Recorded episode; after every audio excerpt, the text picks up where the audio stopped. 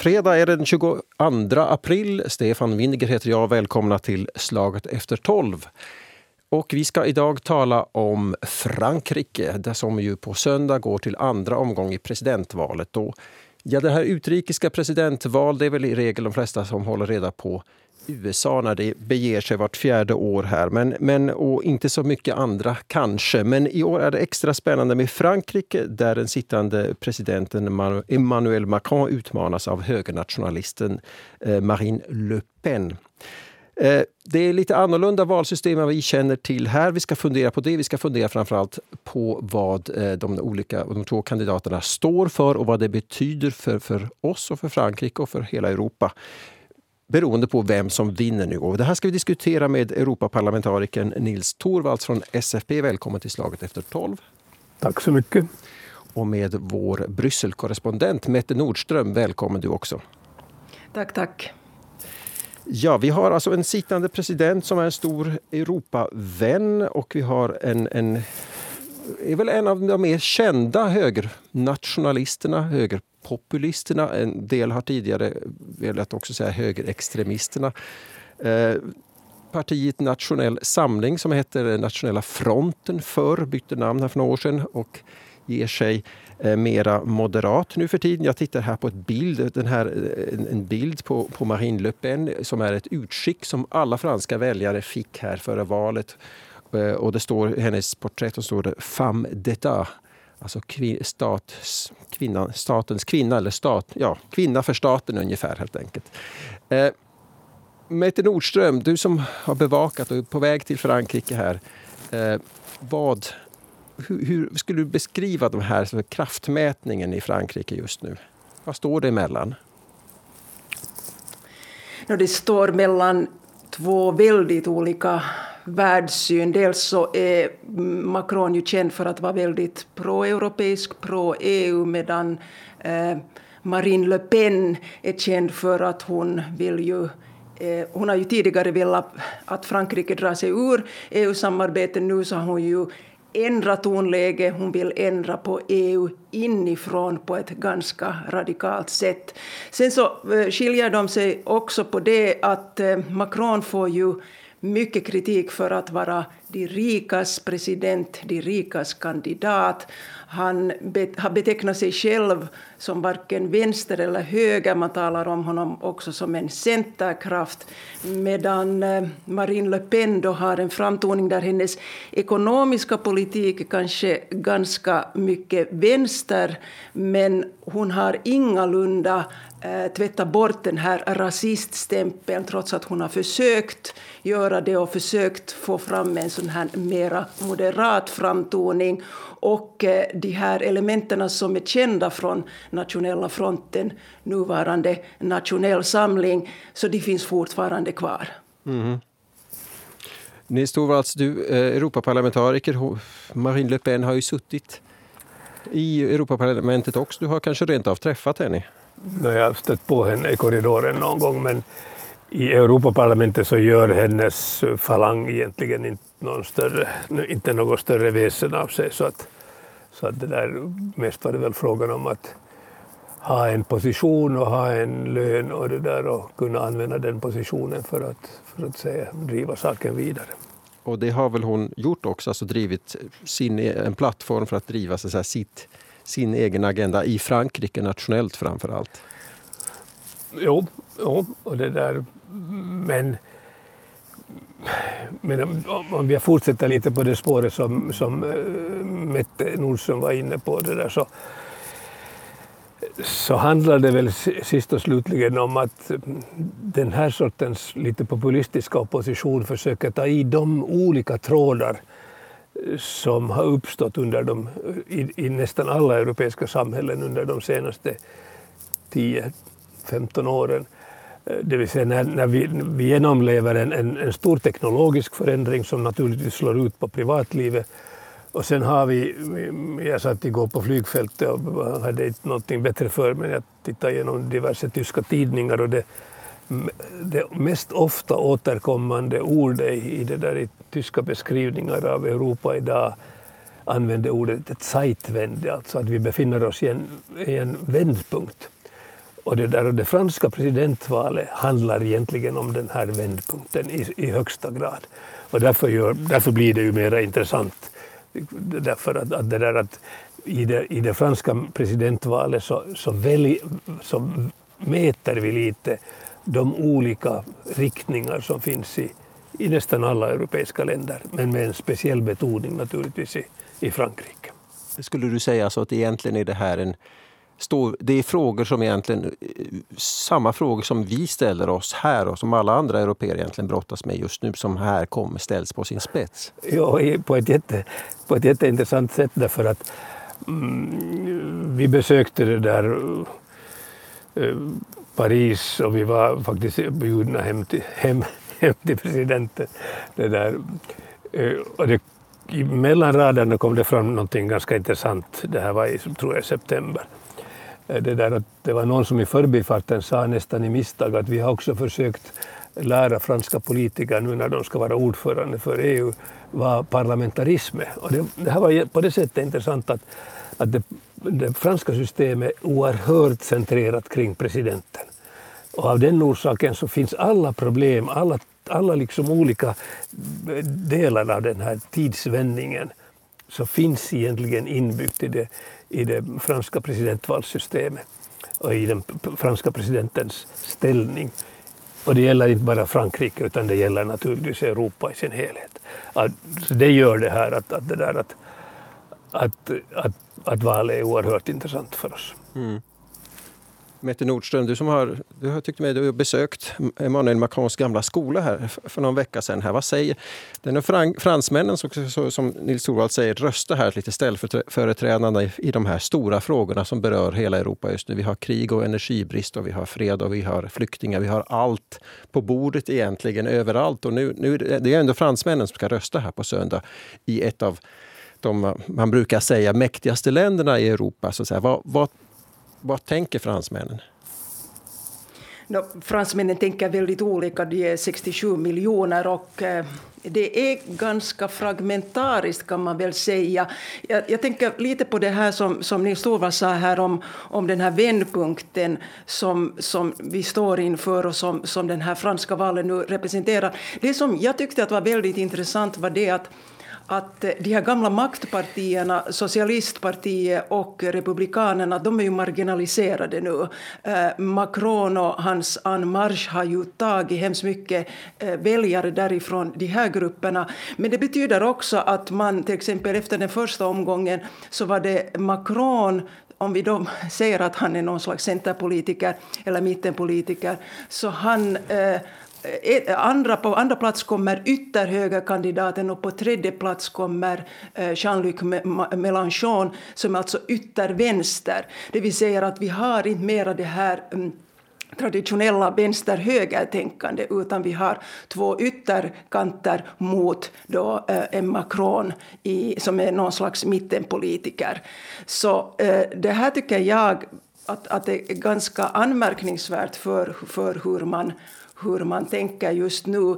Eh, en annan sak som är väldigt intressant är det att eh, Mélenchons anhängare, eller Mélenchon själv, är någon slags kungamakare just nu eftersom han fick väldigt mycket röster, 22 procent. Och då har vi en grupp här på yttervänstern som varken kan tänka sig egentligen att rösta på Macron eller Le Pen.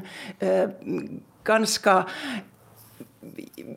finurligt skulle jag säga till och med också var, vad de här eh, universitetsstuderandes protester här för, för några dagar sedan i veckan eh, där man hade banderoller att inte Le Pen, inte Macron men framför allt inte Le Pen. Och nu säger man att, att Mélenchons, av Mélenchons anhängare på yttervänsterkanten eller på den yttersta vänstra kanten så är ungefär en tredjedel kan tänka sig ändå att uh, rösta på Macron. Men vad gör resten? Det vill säga att man tror att valdeltagande kommer att bli väldigt lågt den här mm. gången. Det är alltså den här berömda pest och kolera-situationen som man ju ser. Och, och det har vi konstaterat när vi har pratat om alla möjliga länder här i slaget efter tolv, Sverige och USA och alla, att den här inte frångången från höger-vänster skala mot den här internationalistisk grön liberala mot en traditionalistisk nationell konservativa främlingsfientliga lutande åtminstone mera. Eh, och det här ser vi här nu. Eh, det här fransmännen har ju ett eh, för våra begrepp ganska komplicerat system. Jag har läst uppgifter om att den här Mélenchon, då, yttervänsterns kandidat som, som vars, vars väljare har, sitter så att säga, beroende på vart de går, precis som du säger här Mette Nordström, att han kanske hoppas rent av på att, att kunna pressa sig till en, posten som regeringschef under, en, under nästa president. Va? Alltså det här är ju väldigt öppnar för ett väldigt taktiserande. Är det här något som väljarna genomskådar? Nej, men det är kanske typiskt för, det där, för, för, för fransk politik. Just på grund av att, av att presidentens ställning är så oerhört stark så, så fungerar han som en politisk magnet i det här sammanhanget. Det vill säga alla som vill åstadkomma någonting i, i fransk politik och inte bara säga, stå på sidan och skälla. Alla som vill åstadkomma någonting blir på något sätt tvungna att sälla sig till till, till, till presidentens skara.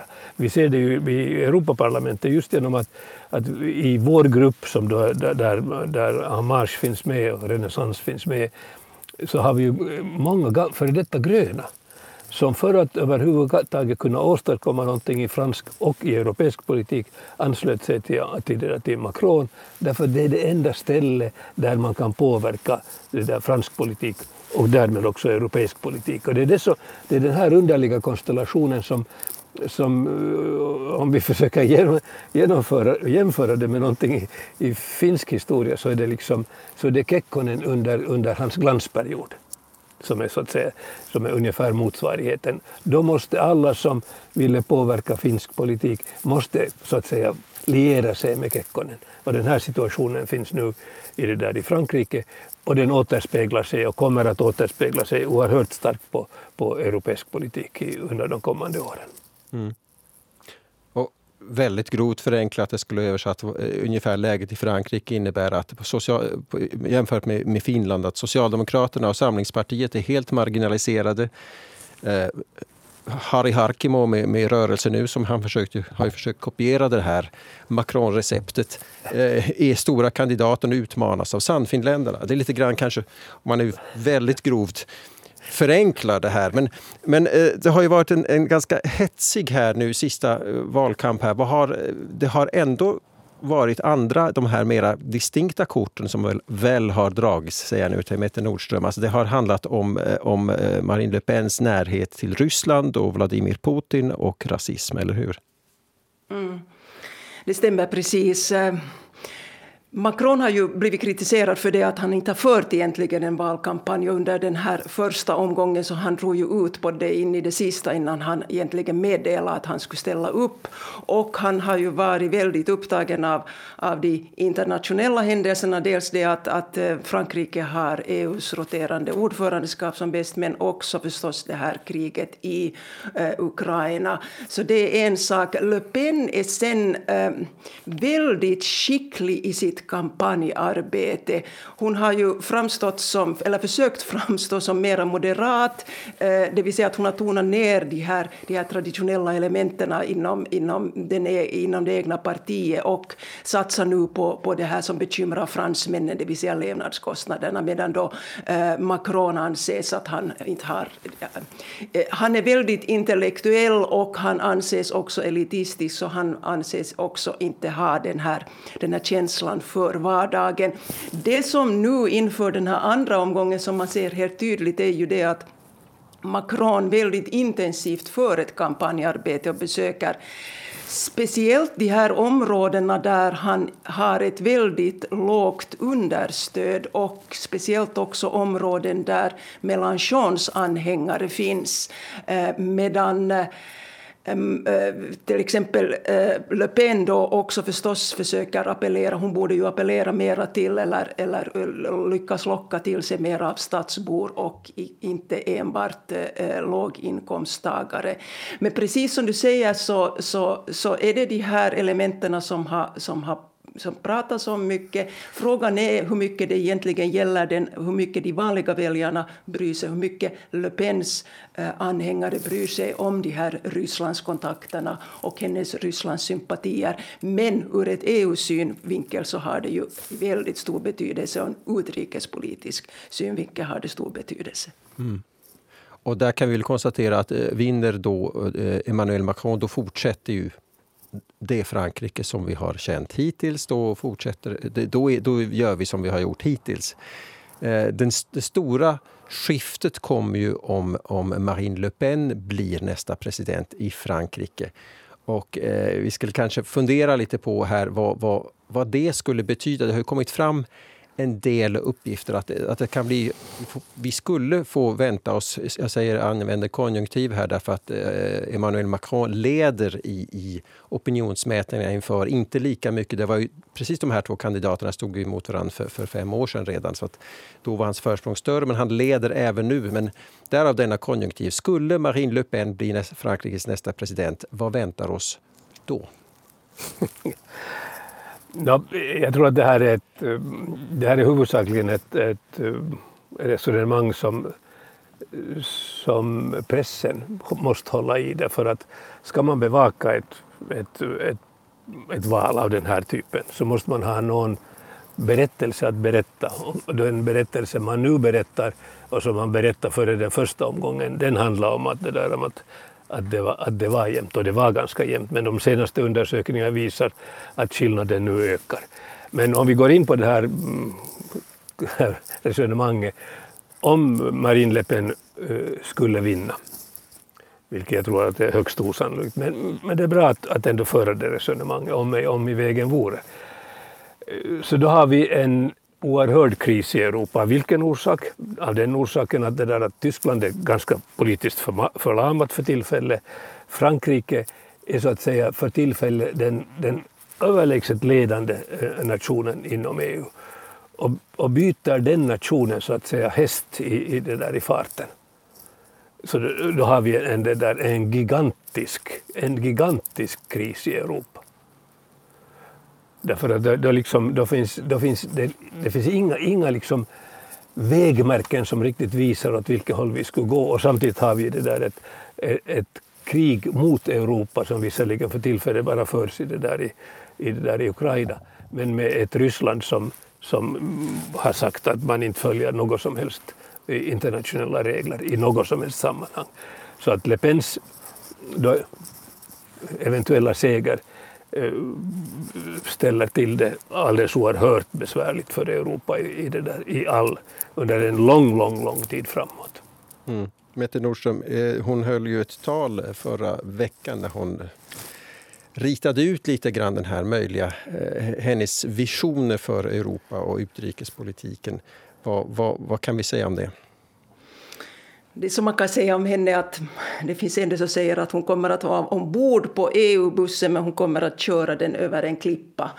Och eh, det här är alltså kritiken mot hennes, men att, att eh, det som hon ju vill, så, mycket av de här tankarna liks, eh, kan man säga att är Frankrike först. Det är en nationalistisk politik. Hon kommer att skära de franska bidragen till EU-budgeten. Hon kommer att införa gränskontroller i strid med Schengenavtalet. Hon vill inte ha gas eller oljesanktioner mot Ryssland, det vill säga hon vill inte stoppa den här importen. Hon vill minska beroendet av Tyskland och USA eh, man ser att hon vill bryta helt enkelt EU-regler tillsammans med eh, nya koalitionsvänner som till exempel Ungern. Eh, så att eh, de, de, de, hårdaste kritiken mot hennes EU-politik så, eller hennes EU-tankar så går ut på att nästan hela hennes ekonomiska agenda, en stor del av, av de linjedragningar som gäller sociala frågor eller invandringsfrågor, så bygger på att bryta mot EU-lagar och fördrag. Mm. Eh, och, och alltså ett, ett hon ska, Frankrike ska fortsätta vara medlem i Nato. Det är något som eh, vi funderar här ganska mycket på. Nato just nu här med Frankrike tänker inte lämna Nato men så som man var fram till 19, på 1960-talet eller där mitten av 60-talet att Frankrike inte deltog i den centrala ledningen utan bara var ett så säga, allierat NATO-land men inte, inte i någon gemensam eh, befälsstruktur. Det tänker man göra. Sen, visst var det så att man, eh, hon vill, man har ju, EU har ju levt mycket på tyskt-franskt samarbete och nu vill man pikant nog bryta försvarsindustrisamarbeten eh, som man gör med Tyskland. Varför, varför den här eh, antityska känslan. Alltså, vi, förstår, vi, vi tror väl att minnas oss att, att, att, att franska högernationalisterna var mot invandring, eh, islamkritiska. Men vad, vad, vad är problemet med Tyskland? Vet vi det egentligen? Jag tror att vi vet det. Om vi tittar på det där på fransk politik under hela efterkrigstiden så har det handlat om att, eh, att, att komma ikapp ty, äh, Tyskland. Eh, jag tror att det stora så att säga, såret i, i, det där, i den franska folksjälen från, från 1945 var det att, att man besegrade militärt Tyskland. Men Tyskland reste sig egentligen på nolltid och Frankrike blev ren då efter. Och, så det finns, det finns liksom i, i förhållande Tyskland-Frankrike så finns det en, en ihållande konkurrens. Och tittar man på, på, det där på, på Macron eh, så är det ju mycket också i hans uttalanden som går i de Gaulles fotspår, precis på samma sätt som Le Pen går i de Gaulles fotspår. Därför att det handlar om, om att, att, så att säga eh, make France big again. Det, liksom, det där. Och, och, det där, så att den här konkurrensen finns och, och just nu i den här Zeitwende-tiden tittar ni på Tyskland, det finns många signaler som säger att, att den tyska Ampelregeringen det där eventuellt går under på grund av att, att, det där att, att eh, de tyska socialdemokraterna inte får rumpan ur schäsen i många, andra, i många utrikespolitiska sammanhang på grund av att de är så inkörda det där i sina Rysslandsrelationer. Eh, och det, att, att i den här situationen så spelar både Macron eh, och Le Pen ut det, det, det tyska kortet, men på lite olika sätt naturligtvis. Mm. Mette Nordström, håller du med? Jag håller med och, och, här finns ju förstås också det som Nils Torvalds känner mycket bättre till den här eh, Tysklands strama ekonomiska politik som, som förstås eh, Eh, ett visst gissel för Frankrike i EU-samarbetet. Men sen en annan sak så, så är ju det här just precis att Macron är ju också kritisk. Han har också varit kritisk till exempel gentemot eh, Nato. Han har ju kallat, han har fått mycket kritik för det att han har kallat för några år sedan kallade han Nato för hjärndöd. Nu så har ju eh, han erkänt att Nato har fått en ny mening. Men eh, han vill å andra sidan minska beroende av USA eh, helt militärt sett. Och, och det här går väl säkert också hand i hand med den här, hans tanke om EUs strategiska autonomi där han vill också fördjupa försvarssamarbete inom EU. Och, och, och, det ligger ju ganska mycket i tiden just nu i och med kriget i Ukraina. Mm. Så vi, alltså, vi, vi, kan vänta oss någon slags att Frankrike blir någon slags gigantiskt Ungern med drag av Donald Trump och Brexit och Vladimir Putin om jag nu ska hårdra det hela lite. Och, eh, vad, ska, vad, vad, säger nu, är det här nu på var mans och kvinnas läpp i Frankrike att det är det här vi tar ställning till på, på, på söndag? Jag tror ju inte det. Det är ju det som gör att politiken blir irrationellt. Att vi som betraktar politik lite, från, lite utifrån, vi tycker oss se det här sammanhanget. Men den, den, den normala väljaren väljer lite utgående från sin tradition, sin politiska tradition, sin ekonomiska ställning, sitt, på vilket sätt har den senaste teknologiska utveckling, utvecklingen och det där gynna honom eller henne eller missgynna honom eller henne. Det där, så, att, så att en väljare så att säga, är, måste vara närsynt och fatta sina beslut på den här närmiljön medan, medan, det, där, medan det sen kan slå ut på ett alldeles annorlunda sätt i, i, i den stora verkligheten där utanför. Mm. Eh, du sa, Mette Nordström, här förut att, att eh, de här höger-vänster plånboksfrågorna inte riktigt eh, drar längre. Men det är just det som Marine Le Pen, sa du också, eh, har försökt skjuta in sig på. Höga energipriser, inflation, hur ska vi ha råd att leva och, och går in allting till flyktingarna och så vidare. Vi tar tillbaka det. Alltså, eh, hur, hur skulle du säga, vad, vad, vad är det som får, får, får, folk att välja? Det har varit en hetsig debatt om, om, slöj, om islamisk slöj, muslimsk slöja igen här i Frankrike. Är det så, så här, det låter lite så här, vad säger man på engelska, loose cannon, att, att vi ska ha Europas öde avgöras i en populistisk slöjdebatt just nu och lite sånt där och höga bränslepriser. Men är det ändå så att man väljer med, trots allt, med plånboken? Eller, och hur mycket?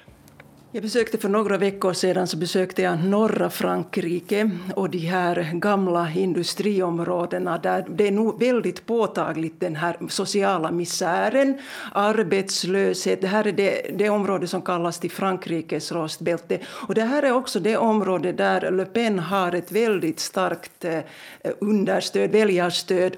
Och när man frågar folk där så var det nog helt klart att, att de väldigt mycket ojilla eh, Macron. Sen är det en annan sak att, att kommer alla att rösta på Le Pen bara för att de, eh, för att de är, är missnöjda med, med Macron. Och det här är liksom eh, problemet med det här presidentvalet i två faser. Att man säger att i den här första fasen så kan man rösta med hjärta men i den här andra fasen så är det med huvudet, med hjärnan. Man måste taktikera. Och just i det här valet så är det väldigt negativ klang över det, det vill säga att man röstar mot mot någon. Sen när man talar om, om Le Pen och den här, hennes plånboksfrågor, de är ju nog hemskt viktiga för Eh, väldigt stora, eh, ett stort antal fransmän. Och tittar man bara på hennes program där hon vill höja lönerna för sjukvårdare och för lärare, hon vill skippa inkomstskatten för, för fransmän under 30 30 år. Hon vill eh, också ha, där, där Macron vill höja pensionsåldern så vill hon ha till exempel pensionsåldern är 60 för de som har börjat jobba före 20. Så det här är ju, det här är ju det som betecknas som hennes ganska vänstersinnade ekonomiska program. Om man då tänker sig ett, eh, en väljarkår som är låginkomsttagare som kommer från de här områdena med stora sociala problem så är det ju ganska lockande. En annan sak är sen att Mélenchon och eh, hans unga väljarkår, så de eh, speciellt mycket Eh, satsa satsar på miljöfrågor och varken Le Pen eller Macron har profilerat sig särdeles väl när det gäller miljöfrågor. Så här finns en helt en falang som tycker att det här med att, att, att fundera över slöjor är inte spe, speciellt viktigt i ett multikulturellt Frankrike utan här borde man tänka istället på miljöfrågor och, och frågor som gäller kvinnors rättigheter och minoriteter och så vidare. Mm. Så alltså kan man sammanfattningsvis säga att det här är, det är vänsterväljarna som nu sitter egentligen som, som möjligtvis lockas av, av Marine Le Pen som är högerpopulisten här eftersom de, den sittande presidenten ju förmodligen kan räkna med de klassiska högerväljarna. Är det så man ska se det? Jag, jag, tror att, att eh, som man säger det här så, så kan, har vänster, yttervänstersympatisörerna har ju nog väldigt svårt att, att, att tänka sig Le Pen för att där är ju till exempel Mélenchon sa ju upprepa gång efter gång under eh, valkvällen då efter första omgången att, att inte en endaste röst ska gå till Madame Le Pen. Och det här betyder ju inte automatiskt att de att kommer att gå till Macron. Som jag sa tidigare, man räknar med att en tredjedel av de här, jag tror att det var 7,7 miljoner som röstade för Mélenchon, att en tredjedel kan tänka sig rösta på Macron, resten blir hemma eller röstar blankt. Det blir ett synnerligen intressant val det här och om det blir nu slöjor och, eller, eller bensinpriser eller EU eller Nato som avgör Frankrikes presidentval, det följer ni förstås bäst med här på Svenska Yle, Yle Vega och på svenskayle.fi. Vi måste för att vi har lite studiologistik här på, på Yle Vega eh, hålla slaget efter 12 någon minut kortare än vanligt. Jag säger därför tack så mycket till Mette Nordström, vår Brysselkorrespondent och tack så mycket till Nils Torvalds, Europaparlamentariker för S. Eh, SFP för att ni var med här och förklarade för mig. Tack för att ni lyssnade. Stefan Winiger heter jag. Vi hörs igen. Hej då.